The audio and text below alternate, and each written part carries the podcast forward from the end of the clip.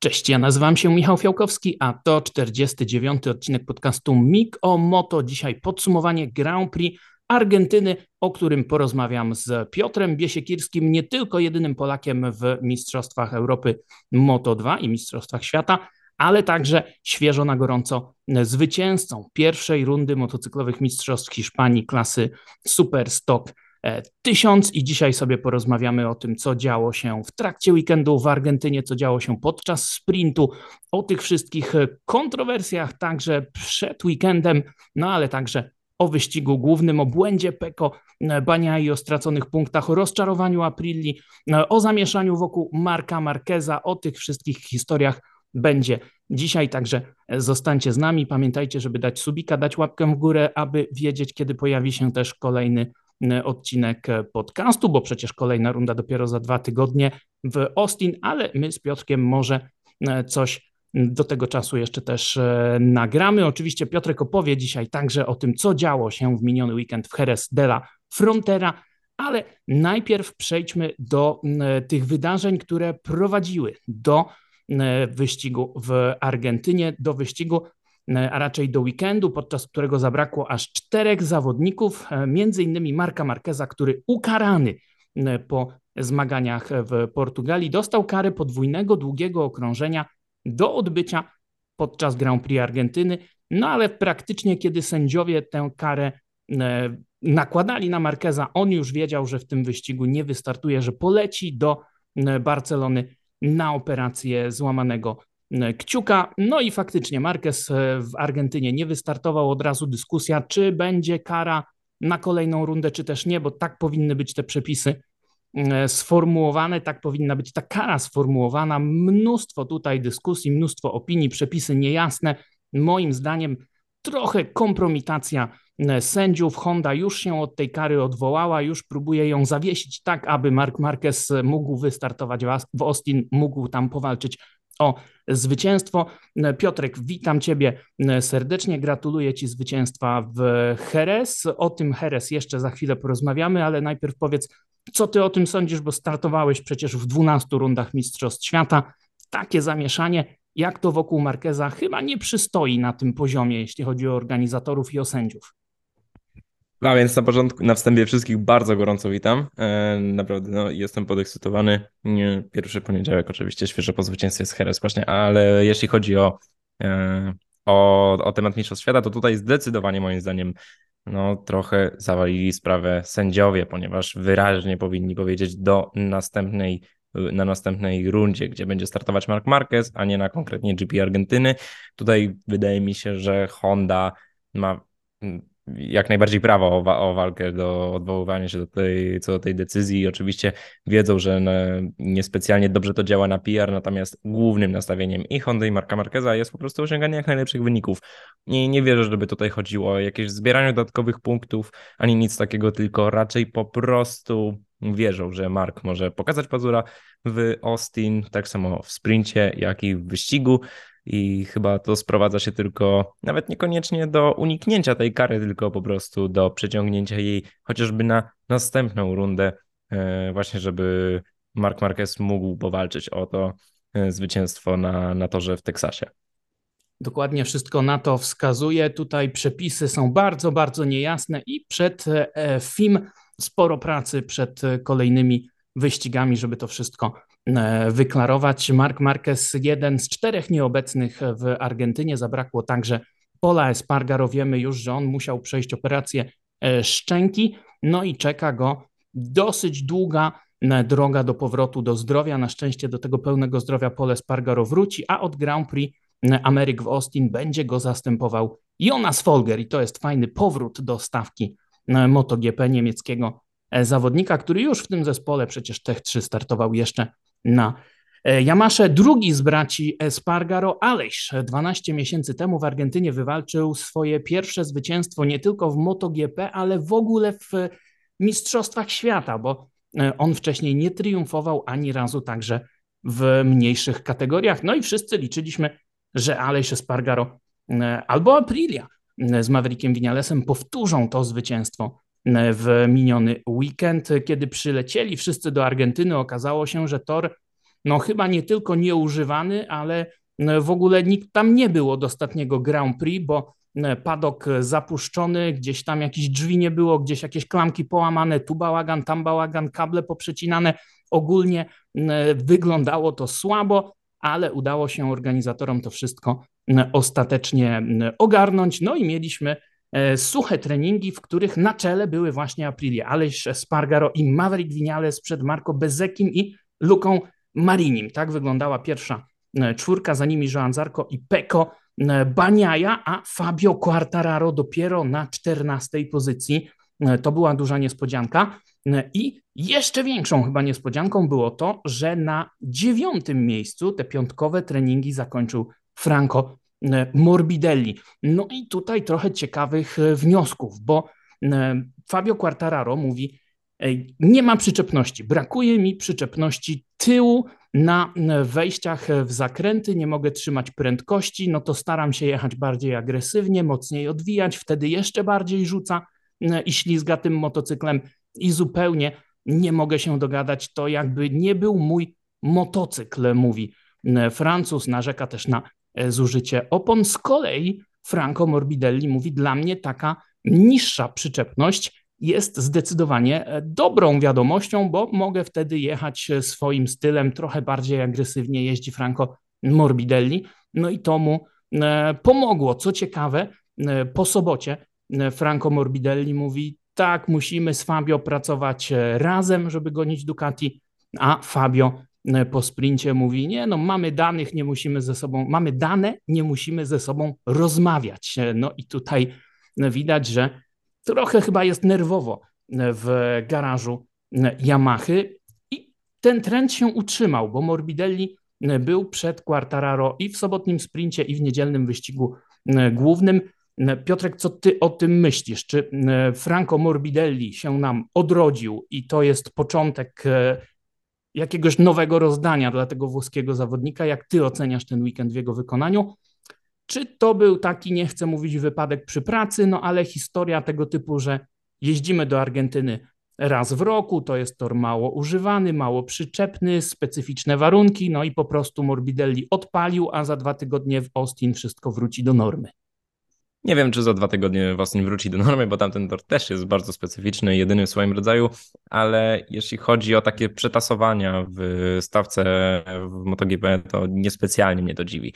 Mm, jak nawet jeśli Morbidelli był zazwyczaj w tyle, miał bardzo duże problemy w ogóle z tym, żeby zdobywać punkty w wyścigach, mm, to wciąż był o jakieś 0,7, 0,8, jedną sekundę do czołówki, więc takie przyspieszenie o pół sekundy mm, może bardzo mocno podbić e, no, kilka pozycji, czasem nawet kilkanaście pozycji mm, w tej klasie, która robi się ściśnięta, czasami nawet bardziej niż Moto3. I więc to mnie aż tak bardzo nie dziwi, nie wyciągałbym z tego zbyt powszechnych wniosków, e, czy zbyt pochopnych wniosków. Jeśli chodzi o tą relację Fabio Quartararo z Morbidellim, to po pierwsze uważam, że Yamaha tutaj popełniła trochę błąd. Nieważne jak szybcy są ci raiderzy, mają teraz zawodników, którzy tylko i wyłącznie w GP jeździli na Yamasze. Nie mają specjalnie dużego doświadczenia, kilka lat już w, faktycznie w klasie królewskiej przejeździli, natomiast nie mają w ogóle informacji od innych motocykli, nie mają pojęcia jak może się prowadzić taki Ducati czy na przykład TM. Tak, y, i myślę, że Fabio też nie jest specjalnie zadowolony, że dalej trzymają tam tego, kiedy ewidentnie potrzeba im więcej informacji, więcej rozwoju tego motocykla i może po prostu zwyczajnie nie chce z nim rozmawiać, żeby, mm, bo, bo nie specjalnie podobała mu się ta decyzja Yamahy. E, nie zdziwiłoby mnie, gdyby taki faktycznie był tego powód. E, a jeśli chodzi o Morbidelego, no zobaczymy. Jeśli faktycznie to jest wy, wynikało z tego, że ta mniejsza przyczepność bardziej mu pasowała do jego stylu jazdy, wreszcie mógł jeździć jak on, no to może okazać, że Yamaha faktycznie będzie tego szukać nawet na bardziej przyczepnych torach, zmieniając ustawienia motocykla. Oczywiście redukowanie przyczepności jest zawsze łatwiejsze niż jej wygenerowanie, e, ale zobaczymy, czy jeśli na bardziej przyczepnych torach, może inni zawodnicy wtedy będą mogli bardziej wykorzystać swój potencjał. No, jeśli chodzi o też warunki w ten weekend, no to nie dość, że tor, tak jak mówiłeś, był bardzo brudny od początku, e, mało informacji, ponieważ przez ostatnie lata w ogóle się tam nie jeździło, było strasznie dużo rozwoju, jeśli chodzi o e, sposób prowadzenia e, maszyn z GP. Mm, także tutaj bym jeszcze nic nie stawiał na, na Franco, ale zdecydowanie teraz bardziej wszyscy będą musieli przeglądać, przynajmniej przez następne dwie, trzy rundy i zobaczymy, jak to będzie wyglądać na przykład na rundzie w Jerez, na torze, którym jest bardzo dobrze znany i zespołom, i zawodnikom. Dokładnie tak. Franco Morbidelli, e, może jeszcze przypomnijmy, był czwarty w kwalifikacjach, był czwarty w sprincie na suchym torze i był czwarty również w wyścigu głównym już na e, mokrej nawierzchni.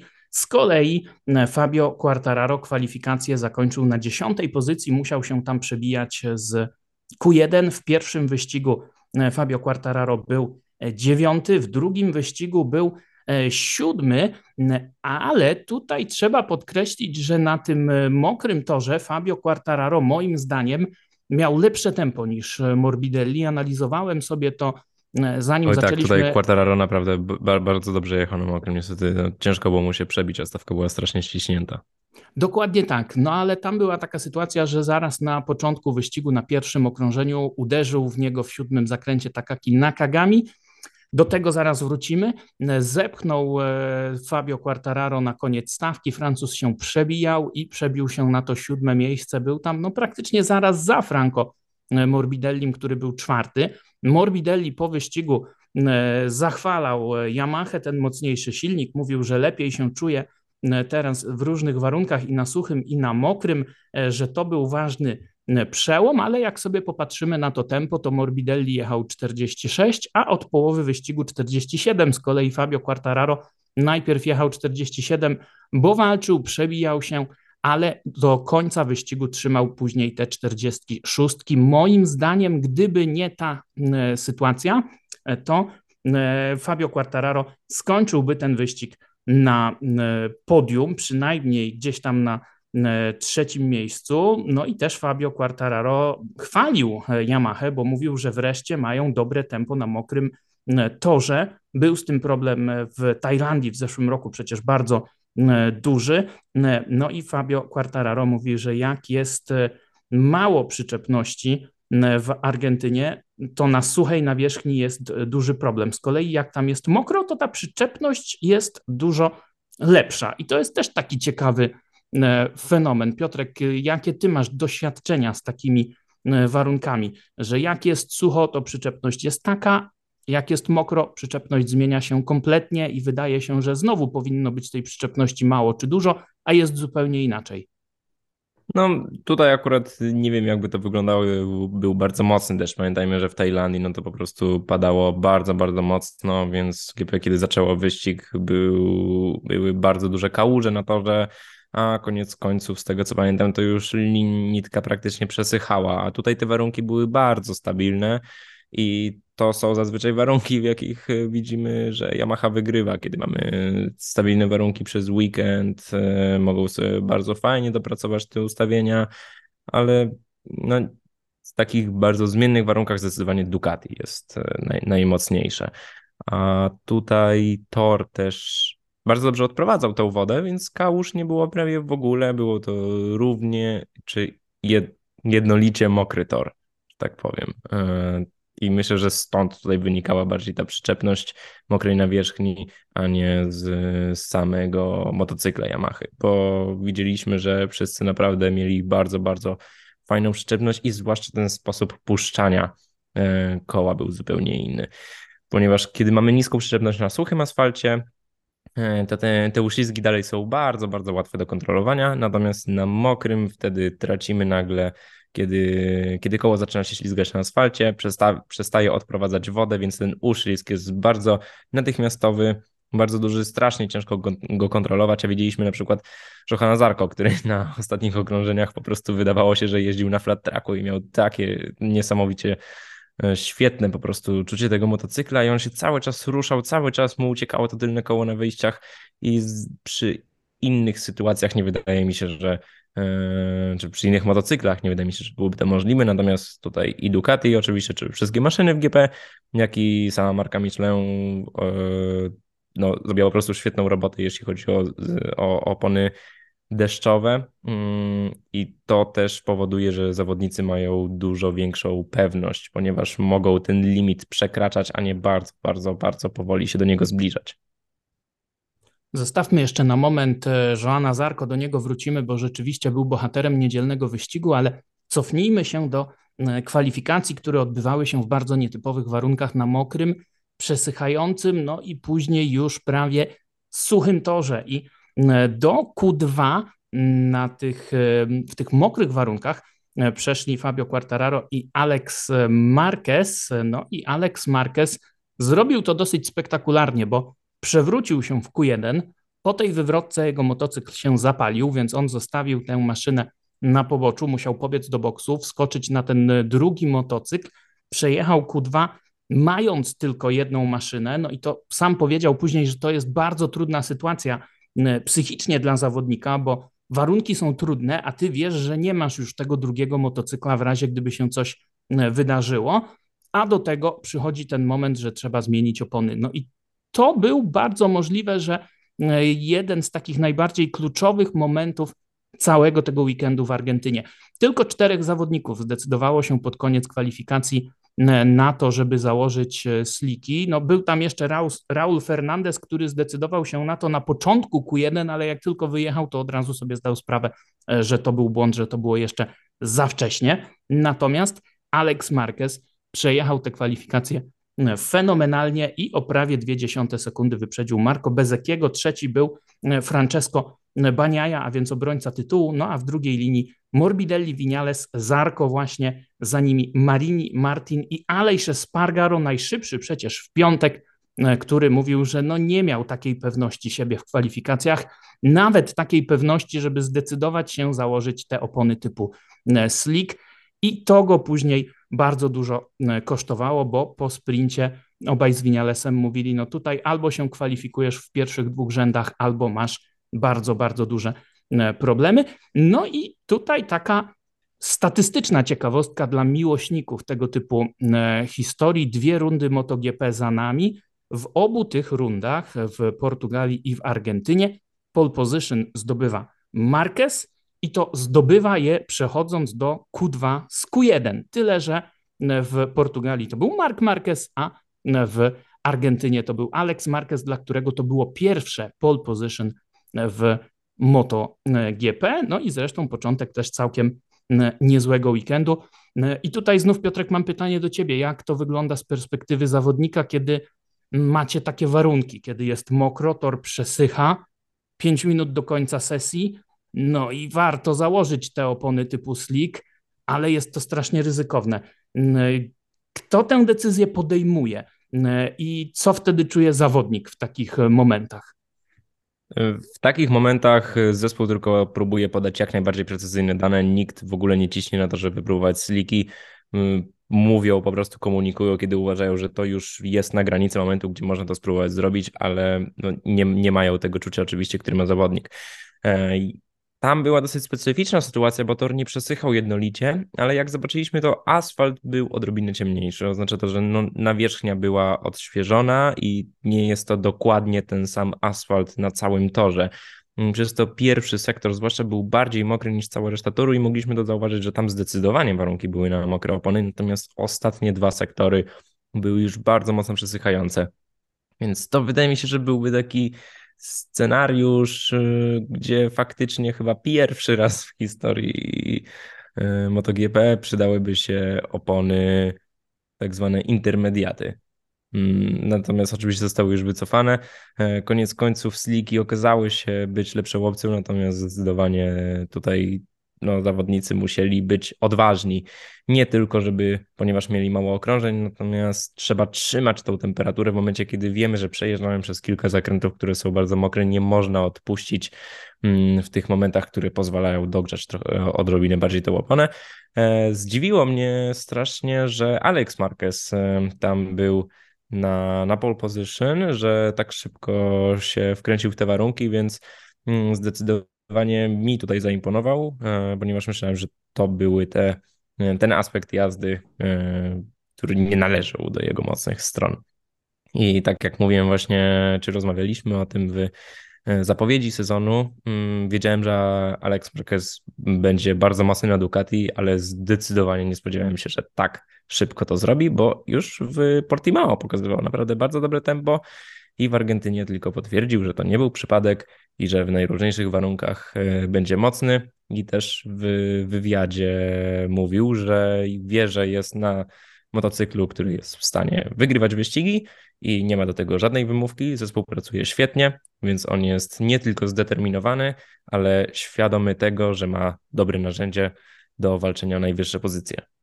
No i też bardzo ciekawą rzecz powiedział e, Alex Marquez po tym niedzielnym wyścigu, kiedy to już później w rozmowie z dziennikarzami e, prasowymi podkreślał, że właściwie to zmienił się tylko ten motocykl i on jest lepszy, on jest łatwiejszy w prowadzeniu i dzięki temu walka o 15 miejsce zamieniła się na walkę o trzecie miejsce. No i rzeczywiście to też powoduje, że musimy trochę innym okiem patrzeć na e, zawodników e, na Hondach na przykład, czy e, na KTM-ach, którzy gdzieś tam może są daleko z tyłu w tej chwili, ale jakby mieli bardziej konkurencyjny motocykl, to na pewno radziliby sobie lepiej. Przywołałeś, Piotrek, tę oponę intermedium, czyli wyjaśnijmy, tak zwana przejściówka, E, opona pomiędzy slikiem, a pomiędzy oponą e, deszczową, ale te opony wycofane z MotoGP już rzeczywiście ładnych kilka lat temu, bo po prostu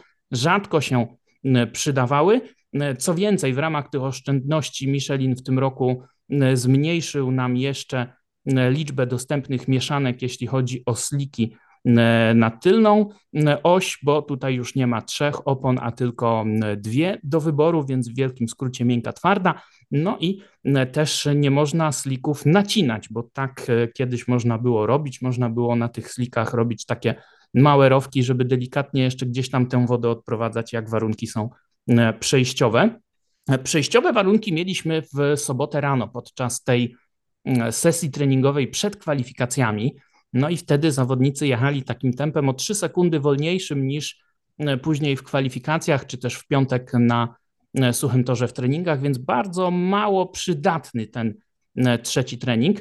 Z kolei Jack Miller po sprincie powiedział, że te sprinty to jest świetne przygotowanie, świetny trening do tych wyścigów głównych. Można sobie tam wszystko sprawdzić, sprawdzić ustawienia, sprawdzić elektronikę, ale mówił też o tym e, Peko Baniaja, że to jest zupełnie inne ściganie, bo tutaj nie ma mowy o jakimś zarządzaniu tempem, zarządzaniu oponami, tylko trzeba iść tą przysłowiową pełną bombą od startu e, do mety. Ja mam takie spostrzeżenie, e, że przecież tyle się mówiło w ostatnich miesiącach, jak to ta elektronika, jak to te skrzydełka, ta aerodynamika, jak to wszystko sprawia, że tymi motocyklami się nie da wyprzedzać, że te wyścigi są nudne w MotoGP. No i co się okazało? Skrócono dystans wyścigu o połowę, wprowadzono sprint i nagle wszyscy się wyprzedzają jak szaleni i mają kibice niesamowite emocje. Więc ja mam takie wrażenie, że to jednak chyba ta elektronika i aerodynamika tutaj nie mają jakiegoś większego znaczenia w, w tej walce, a kwestią jest właśnie to e, zarządzanie tempem, to oszczędzanie opon, które widzieliśmy E, i które widzimy w tych e, głównych wyścigach, wyścigach niedzielnych. Mówił o tym Peko e, Baniaja w sobotę, że no on tak, żeby jechać na maksa, to tego tempa nie miał, bo ta przednia opona miała problem ze zbyt wysokim ciśnieniem. To jest to, o czym wielokrotnie już też mówiliśmy. Zmiana na ten rok to minimalne ciśnienie, nie można schodzić poniżej tego ciśnienia, ale w walce może się to tak kończyć, że wtedy zawodnik nie jest w stanie zapanować nad tą oponą, bo to ciśnienie za bardzo e, rośnie, ale Peko Baniaja mówi, jak już e, jest wyścig, jedzie się trochę wolniej, tym tempem trzeba zarządzać, to jest zdecydowanie e, lepiej.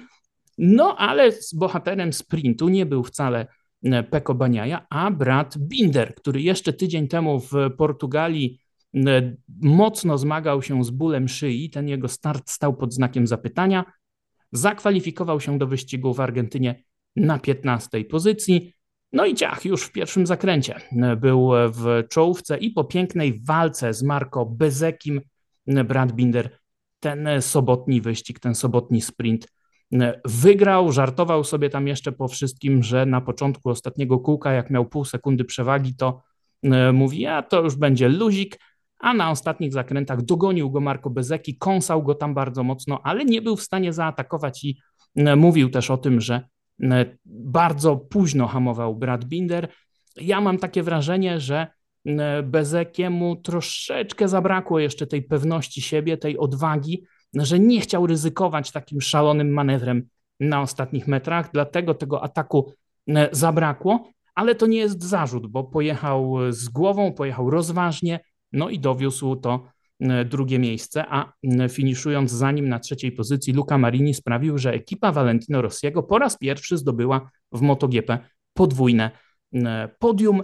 Czwarty był Franco Morbidelli, no zabrakło tam do podium dwóch, półtorej mniej więcej sekundy, ale Morbidelli odrodzony przed Aleksem Marquezem startującym z pole position i właśnie Francesco Baniają, o którym mówiłem, Fabio Quartararo dopiero dziewiąty, przed Winialesem Martinem, za, przepraszam, Winialesem i Martinem, ale przed Jackiem Millerem, a nie dojechał do mety tego wyścigu Aleix Espargaro, który zaliczył wywrotkę. Cisnął troszeczkę za bardzo. Zresztą nie tylko on, bo Maverick Vinales w tym sprincie stracił prawe skrzydełko, prawą stronę aerodynamiki, no i też miał wyścig bardzo, bardzo trudny. Piotrze, jak Twoje wrażenia po tym sprincie? Bo dla mnie on był absolutnie genialny ponownie.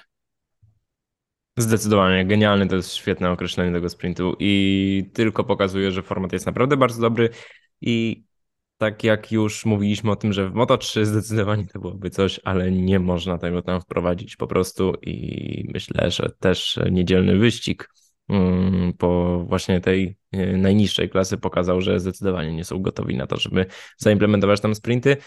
A za to zawodnicy z GP są oczywiście bardzo dojrzali, mają dużo lepsze czucie tych motocykli i wiedzą, że to są naprawdę konkretne maszyny, mogą być nieprzewidywalne, więc muszą myśleć i świadomie podejmować decyzje o tym, co robią. I tam mm, dlatego po, prostu dlatego uważam, że te sprinty tutaj działają, bo zawodnicy jadą z głową, ale oczywiście są na tyle szybcy, na tyle mają świetne czucie tych motocykli, że wciąż są w stanie wykonywać bardzo agresywne i odważne e, manewry bez e, tworzenia specjalnie, e, specjalnie dużego ryzyka na torze. Tutaj Bezeki zdecydowanie wykazał się dla mnie mega dojrzałym, mega profesjonalnym i po prostu mistrzowskim balansem między zdobywaniem kolejnych punktów, a nie traceniem ich z powodu przywrotki. I teraz to pokazał, jest pierwszy w tabeli e, na koniec tego, tego weekendu i, i myślę, że mm, myślę, że Valentino teraz zdecydowanie będzie, czy zdecydowanie w niedzielę wieczorem bardzo konkretnie świętował. E, za to jeśli chodzi o Brada Bindera, w momencie, kiedy już od samego początku wyścigu wyszedł na prowadzenie, wiedziałem, że po prostu odjedzie, dojedzie sobie sprint spokojnie na pierwszej pozycji z dużą przewagą. No tak się jednak nie stało. Bez był naprawdę bardzo, bardzo blisko. Myślę, że jeszcze jedno okrążenie e, by wystarczyło. Za to też Binder wykazał się tutaj trochę. Mm, no wykazał, wykazał, pokazał to, że miał po prostu bardzo dobrą pewność jazdy, e, mógł odrobiny więcej zaryzykować na tych hamowaniach, tak żeby bez jakiemu nawet nie przyszło do głowy, żeby go w ogóle atakować w ostatnim sektorze i to e, raczej zagwarantowało mu to zwycięstwo. I naprawdę jestem pod wrażeniem wielu różnych zawodników, wielu różnych zespołów, ale to, że KTM tak dobrze się prowadził teraz na, na, na mokrym torze, jak i na suchym, było dla mnie bardzo dużym zdziwieniem. Rzeczywiście zaskoczyli w KTM-ie ponownie, podobnie jak podczas pierwszej rundy w e, Portugalii. Zaskoczył też Marco Bezeki, który już na początku wyścigu e, miał bardzo dobre tempo, ale w pewnym momencie tam doszło do delikatnego kontaktu z Luką e, Marinim i po wyścigu Marco Bezeki powiedział, no jakbym ściął lukę, to i Ucio i Vale by mnie zabili. Ucio to oczywiście Alessandro Salucci, szef zespołu Moniviar w 46 i wieloletni asystent, przyjaciel Valentino Rossiego, no ale tak się nie stało. Ekipa doktora mogła świętować to podwójne podium i to nie była ostatnia rzecz, jaką świętowali w ten weekend, ale to też pokazuje, że Valentino Rossi, mimo że już karierę zakończył, to jednak nadal ma bardzo duży wpływ na MotoGP, na rozwój tego sportu, no bo sam Morbidelli mówi, jakby nie Valentino Rossi, to pewnie by mnie teraz w MotoGP nie było, ale był i był gwiazdą tego niedzielnego wyścigu głównego, który odbywał się już w zupełnie innych warunkach. Było mokro, a więc znów widzimy, że ten nowy format weekendu sprawia, że jak te warunki są zmienne, naprawdę nie ma czasu, żeby ustawić motocykle. No ale poradzili sobie z tym e, zawodnicy, więc może teraz czas na to, abyśmy o tym e, wyścigu niedzielnym, o tym wyścigu głównym troszeczkę porozmawiali. Ale zanim jednak przejdziemy do wyścigu e, MotoGP, to chciałbym z Tobą, Piotrek, porozmawiać o czymś innym, bo będziesz musiał za chwilę uciekać, a to jest absolutnie wątek, którego nie poruszyć dzisiaj e, nie możemy. Mianowicie, w miniony weekend zadebiutowałeś w Mistrzostwach Hiszpanii klasy Super Stock 1000. No i to był nie lada debiut, bo w kwalifikacjach byłeś e, pierwszy, wywalczyłeś pole position, w pierwszym wyścigu walczyłeś o zwycięstwo, ale cztery okrążenia przed metą, jeden z rywali wypchnął cię E, poza tor, taki nakagami trochę można powiedzieć, no ale do tego e, wrócimy, mm, do Japończyka i do wyścigu MotoGP, a w niedzielę już jeszcze inny przebieg tego wyścigu, no i walka, emocje do samego końca i zwycięstwo w raptem drugim starcie w hiszpańskich e, stokach e, tysiąc, a więc dużo komentatorzy mówili e, o El Polaco, dużo mówili Piotr Pieter, ale nazwisko ogarniali, także plus dla nich, ale jak to wszystko wyglądało z Twojej perspektywy? Skąd w ogóle pomysł? No bo wiemy, że Ty startujesz na co dzień w Mistrzostwach Europy Moto 2. Skąd pomysł, żeby wystartować jeszcze w stokach tysiąc? Pomysł pojawił się stąd, że dużo nie trzeba. Jamaszka, jeśli chodzi o R1, jest całkiem łatwa do ustawienia i do ustawienia działają mniej więcej na wielu torach. Nie trzeba się za dużo bawić z zawieszeniem i stwierdziliśmy, że no nie będzie do tego potrzebne specjalnie wiele osób y, do obsługiwania tego motocykla. Silnik mamy standardowy, więc też nie będzie trzeba za dużo tam e, robić maintenance'u tak zwanego. Mm, mieliśmy już dodatkowy zestaw kół, mieliśmy stojaki na te koła, koce i tak dalej, narzędzia, więc praktycznie całą taką infrastrukturę najważniejszą już, y, już posiadaliśmy, używaliśmy jej oczywiście do, do treningów. A potem gadając z Hektorem, y, który poza zespołem e, Hektorem Faubelem, e, właścicielem zespołu, w którym będę jeździł w tym roku w Mistrzostwach Europy Moto2, ma również zespół w Mistrzostwach Hiszpanii i tam się do nich na to czepkę tak dołączyłem. Taki był oczywiście plan na, na samym początku, założenie. E, natomiast jeśli chodzi o wyścig, no to dostałem tam bardzo, bardzo dobrego i doświadczonego e, inżyniera od danych, od ustawienia zawieszenia. Jest to Fausto Martinez, który między innymi pracował na, w właśnie królewskiej klasie z Jonim Hernandezem e, parę ładnych lat temu, właśnie w klasie MotoGP. E, no, był to dla mnie no, nowe doświadczenie, faktycznie zupełnie inny rozwój elektroniki niż wydawało mi się, że można z tym standardowym czy półstandardowym jekiem osiągnąć.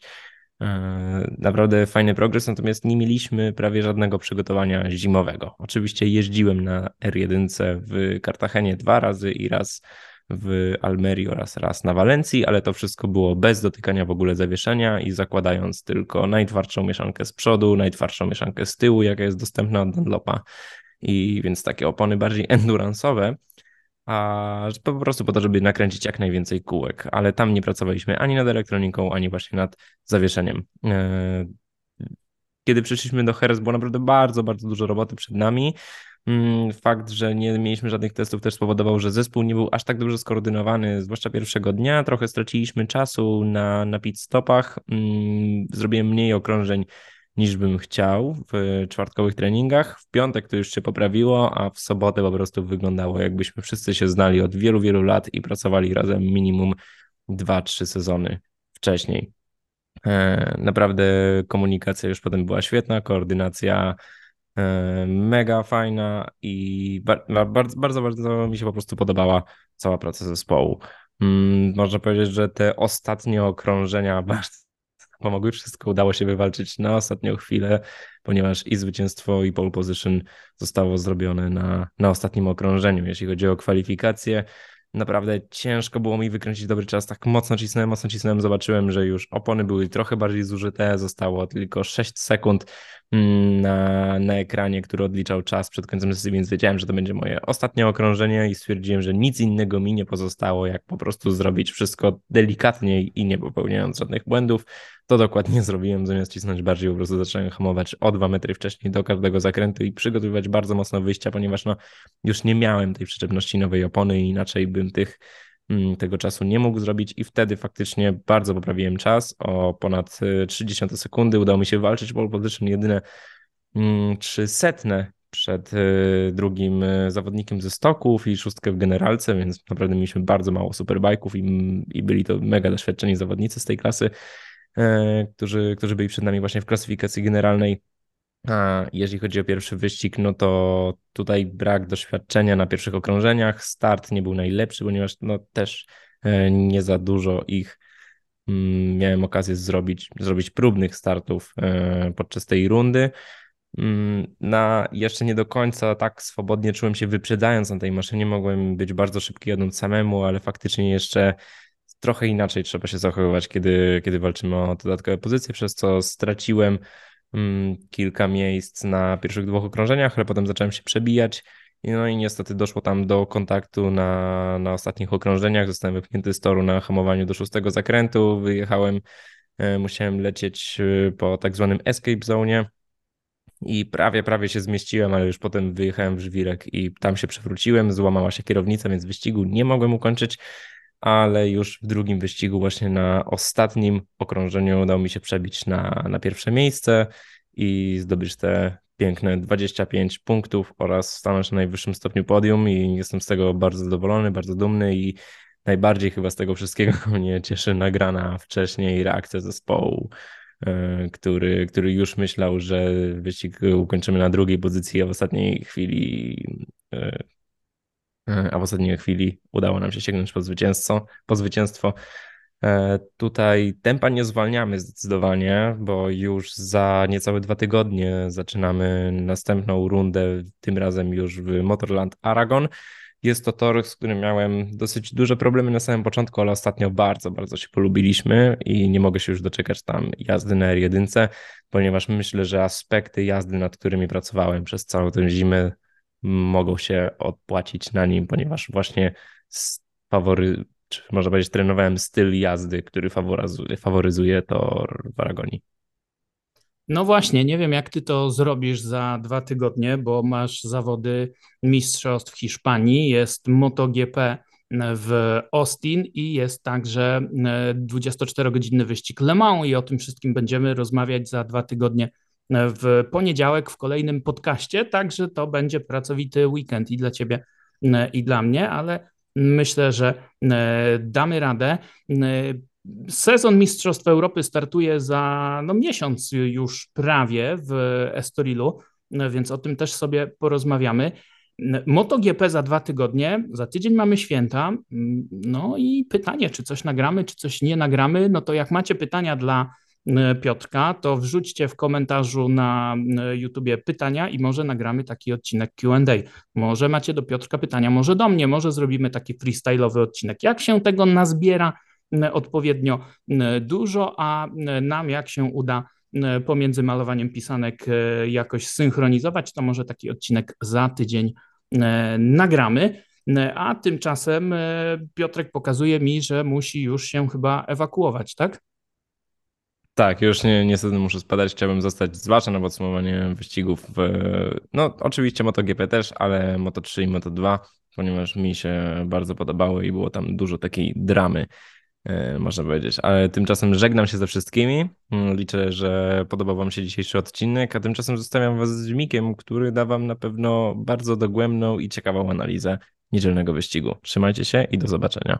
Dzięki bardzo, Piotrek. E, super ciekawostki, no i gratulacje przede wszystkim e, tego zwycięstwa. Czekamy na kolejne i mam nadzieję, że o kolejnych pogadamy sobie w kolejnym odcinku e, podcastu, ale też myślę, że najciekawsze już za nami chyba, jeśli chodzi o ten odcinek, bo ten sprint moim zdaniem był ciekawszy niż niedzielny wyścig. Główny wyścig mokry, deszczowy, no trochę szkoda, że on się potoczył tak, a nie inaczej, jeśli chodzi właśnie o te warunki atmosferyczne, bo ja liczyłem naprawdę na ciekawą walkę tutaj zawodników na tym mokrym, na tym suchym torze, a tymczasem jednak spadł deszcz, no i w tych deszczowych zmaganiach rywalizację zdominował Marco Bezeki, który podkreślał po wyścigu, że wolałby jednak, żeby było sucho, no ale jak już znalazł się na czele, to starał się kontrolować tempo i mówił sam do siebie podczas jazdy na tym motocyklu, że trzeba przede wszystkim jechać płynnie, nie popełniać błędów, nie robić nic szalonego. No i e, w ten sposób Marco Bezecchi dowiózł do mety swoje pierwsze zwycięstwo w MotoGP. E, pięć lat temu Marco Bezecchi także w Argentynie wywalczył swoje pierwsze zwycięstwo w Mistrzostwach Świata w ogóle, wtedy jeszcze w kategorii Moto3. No i padło takie pytanie na konferencji prasowej po wyścigu, czy to oznacza, że będzie kolejny tatuaż, bo wtedy sobie zrobił tatuaż. No i Marco Bezecchi przyznał, że jak najbardziej e, tak. Luca Marini, kolega zespołowy, był dopiero ósmy w tym wyścigu, no i e, tutaj też ta dynamika w zespole może się troszeczkę e, zmieniać, może się robić ciekawie. Ja nie chcę sugerować, że mm, Luca Marini będzie faworyzowany w tej ekipie, no ale pamiętajmy, to jest ekipa jego przyrodniego brata, no ale też trzeba się obronić wynikami. Póki co Marco Bezecchi nie tylko z pierwszym zwycięstwem dla siebie i dla zespołu VR46 w MotoGP, ale Marco Bezecchi jest w tej chwili także liderem klasyfikacji generalnej. Wyprzedza w niej o 9 punktów Peko Baniaje. Peko Baniaje, do którego przejdziemy e, za chwilę. E, to obrońca tytułu. Bezecchi mówi z kolei, że o tej walce o tytuł jeszcze e, nie myśli, że to jeszcze nie ten czas, że on nadal może jeszcze sporo poprawić. Przede wszystkim wejścia w zakręty, hamowanie, jego zdaniem tutaj Peko cały czas e, ma przewagę, a z kolei na wyjściach nieco lepszy jest e, Joan Zarco. No i to właśnie Joan Zarco e, był drugi w wyścigu o Grand Prix Argentyny. Mm, I to takie drugie miejsce, które było trochę zaskoczeniem, bo początek wyścigu dla Joana Zarco ponownie nie był najlepszy.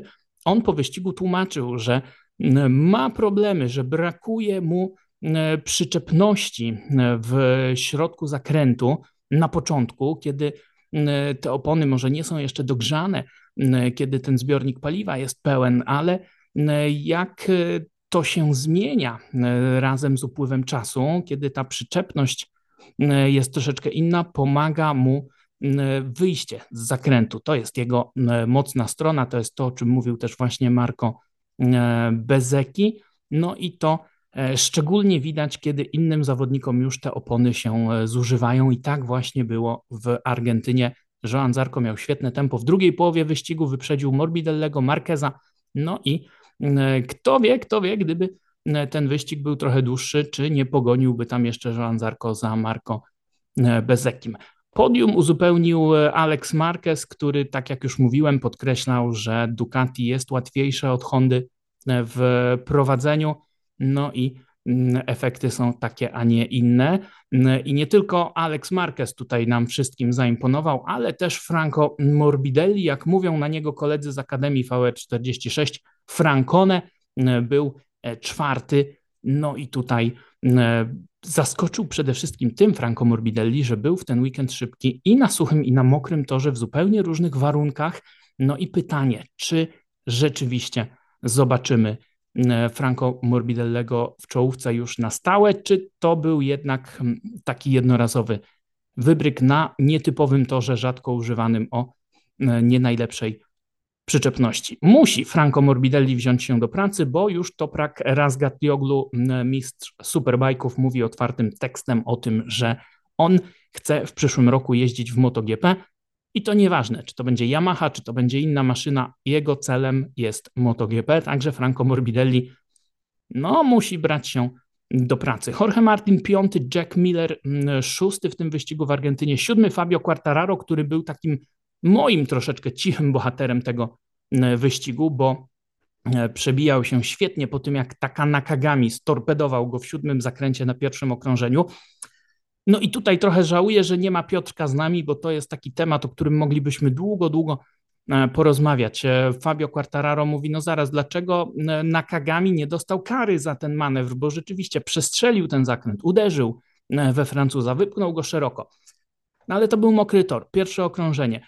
Natomiast drugi raz się na Kagamiemu upiekło, bo przecież pamiętamy, co działo się w zeszłym roku w Barcelonie, gdzie on storpedował Baniaje i Rinsa i też kary nie dostał za to od sędziów, a tymczasem dostał taką karę Ayumi Sasaki, który musiał oddać pozycję, bo tam lekko tryknął w przedostatnim zakręcie wyścigu Moto3 innego zawodnika, więc znów mam wrażenie troszeczkę takiej niekonsekwencji w decyzjach sędziowskich, ale czy tutaj rzeczywiście jakaś kara dla Nakagamiego była niezbędna? No ja mam wątpliwości, może to się dobrze skończyło, tylko jeśli faktycznie nie było kary dla Nakagamiego, to ta kara dla Sasakiego absolutnie bez sensu. E, no ale zostawmy już e, ten wątek Fabio Quartararo był siódmy. Gdyby nie ta przygoda, moim zdaniem, byłby na, na podium z całą pewnością, bo miał najlepsze tempo w drugiej połowie wyścigu z całej stawki. Jechał te 46, podczas gdy inni już spadli w 47. No ale przede wszystkim Fabio Quartararo mówił o tym, że e, mieli bardzo dobre tempo na mokrym e, torze, a to był dla nich duży problem w przeszłości, chociażby rok temu w Tajlandii było bardzo słabo, ale to też wynika trochę z charakterystyki nie tyle toru, co samego asfaltu, bo Fabio Quartararo podkreślał, że tutaj ta przyczepność na mokrym torze była naprawdę niezła. Jak było sucho, przyczepności brakowało. Jak było mokro, ona była całkiem ok. Ale to jest dobra wiadomość dla Morbidellego, no bo mówiłem o tym, że jak było sucho, nie było tej przyczepności, Quartararo miał problemy Morbidelli nie, a na mokrym, mimo dobrej przyczepności, Morbidelli nadal ze świetnym tempem. Także miejmy nadzieję, że odrodził się nam Franco Morbidelli. Za Fabio Quartararo wyścig ukończyli Luca Marini, Alex Rins, najszybsza Honda, bardzo dobry wyścig Rinsa. On na ramię od Marka Marqueza, pod nieobecność Marqueza, Rins korzysta z jego e, podwozia, testuje sobie te rozwiązania, no i kończy wyścig na dziewiątej pozycji przed Fabio Di Antonio, Augusto Fernandez, jedyny debiutant w stawce na jedenastej pozycji, i dopiero dwunasty Maverick e, Vinales, e, zanim Nakagami Fernandez i na ostatniej punktowanej pozycji Alex Aleix Espargaro. Obaj zawodnicy mówili o tym, że kompletnie nie mieli przyczepności na tej mokrej nawierzchni, do tego stopnia, że Aleix był przekonany, że kapcia złapał, że oponę przebił. Mówi, dodaje gazu na wyjściach zakrętów, nic się nie dzieje, motocykl nie przyspiesza, elektronika szaleje, ale to nie tyle kwestia elektroniki, co bardziej tej przyczepności mechanicznej. No i tutaj widzimy, rzadko takie deszczowe wyścigi, mokre wyścigi się zdarzają. Aprilia musi nad tym popracować, no bo jeżeli będą walczyć o tytuł i nagle spadnie deszcz, może się wszystko rozstrzygnąć o takie niedociągnięcia, jakie też zdarzały im się pod koniec poprzedniego e, sezonu. No ale Aleś i Winiales przynajmniej na pocieszenie zgarniają jakieś pojedyncze punkty. Bez punktów w głównym wyścigu obrońca tytułu Peko Baniaja, który przecież zdominował pierwszą rundę, wygrał sprint, wygrał wyścig główny. Przed weekendem w Argentynie mówił o tym, że nie może popełniać głupich błędów, nie może tracić punktów. No i błąd popełnił, ale moim zdaniem to nie był błąd głupi. E, Baniaja walczył o podium na 8 okrążeń przed metą w przedostatnim zakręcie. Już na wyjściu z zakrętu, kiedy zaczął dodawać gazu, puścił przód. E, Baniaja mówi, że w telemetrii nie widać absolutnie, żeby zrobił cokolwiek jakoś e, inaczej, żeby popełnił jakiś ewidentny błąd. No ale tak czy inaczej, skoro wywrotka, to jak sam mówi, ten błąd gdzieś tam musiał popełnić sfrustrowany bardzo, zły, bo mówi, to był trudny weekend, on miał w piątek gorączkę, nie czuł się najlepiej, miał też problemy z przyczepnością przodu, no, ale mimo wszystko w sprincie było nieźle, w kwalifikacjach było nieźle, no i liczył też na dobry wyścig. Jedyny pozytyw, mówi no, Peko Baniaja, to zwycięstwo Marco Bezekiego, bo oni są przecież kolegami z Akademii Valentino Rossiego. No i na ostatniej, 17 pozycji sobotni zwycięzca Brad Binder, trącony już na pierwszym okrążeniu w piątym zakręcie delikatnie przez Mavericka Vinalesa. Tutaj absolutnie o żadnych karach nie może być mowy. E, no i niestety Brad Binder zalicza wywrotkę, podnosi ten motocykl, no i musi gonić. No i dojechał do mety, zebrał trochę danych, ale niestety e, do mety dojechał na końcu stawki gdzieś tam daleko, daleko e, z tyłu. I tak to wyglądało, jeśli chodzi o rywalizację w MotoGP. Chcieliśmy pogadać jeszcze o Moto 2 i o Moto 3, ale niestety Piotrek musiał już uciekać na fizjoterapię po trudnym przecież weekendzie, wymagającym weekendzie w Jerez de la Frontera, więc zostawimy sobie te małe klasy na kolejne odcinki. I tak jak mówiłem, jeśli macie jakieś pytania związane z MotoGP, z wyścigami motocyklowymi, czy to do Piotrka, czy to do mnie, wrzucajcie je w komentarzach na YouTubie. Postaramy się nagrać taki odcinek, nie obiecuję, ale postaramy się, a jak się nie uda, to za dwa tygodnie słyszymy się po Grand Prix Austin. Czy wróci Mark Marquez, czy powalczy tam o zwycięstwo, czy będzie musiał tę karę odrobić, czy uda się jednak Repsol Hondzie coś tutaj zakombinować, przesunąć tę karę na później, bo przecież sprawa trafiła do sądu sportowego MotoGP. Duże, duże kontrowersje, dużo zamieszania, ale przede wszystkim, i to jest najważniejsze, dużo, dużo emocji w tym sezonie w królewskiej kategorii. E, będą podcasty częściej, mam nadzieję. Piotrek będzie regularnym, może nawet już nie gościem, a bardziej odpowiednim słowem jest tutaj współprowadzącym, e, więc e, mam nadzieję, że będziecie z nami. A dzisiaj Pozostaje mi już tylko powiedzieć do usłyszenia. Cześć.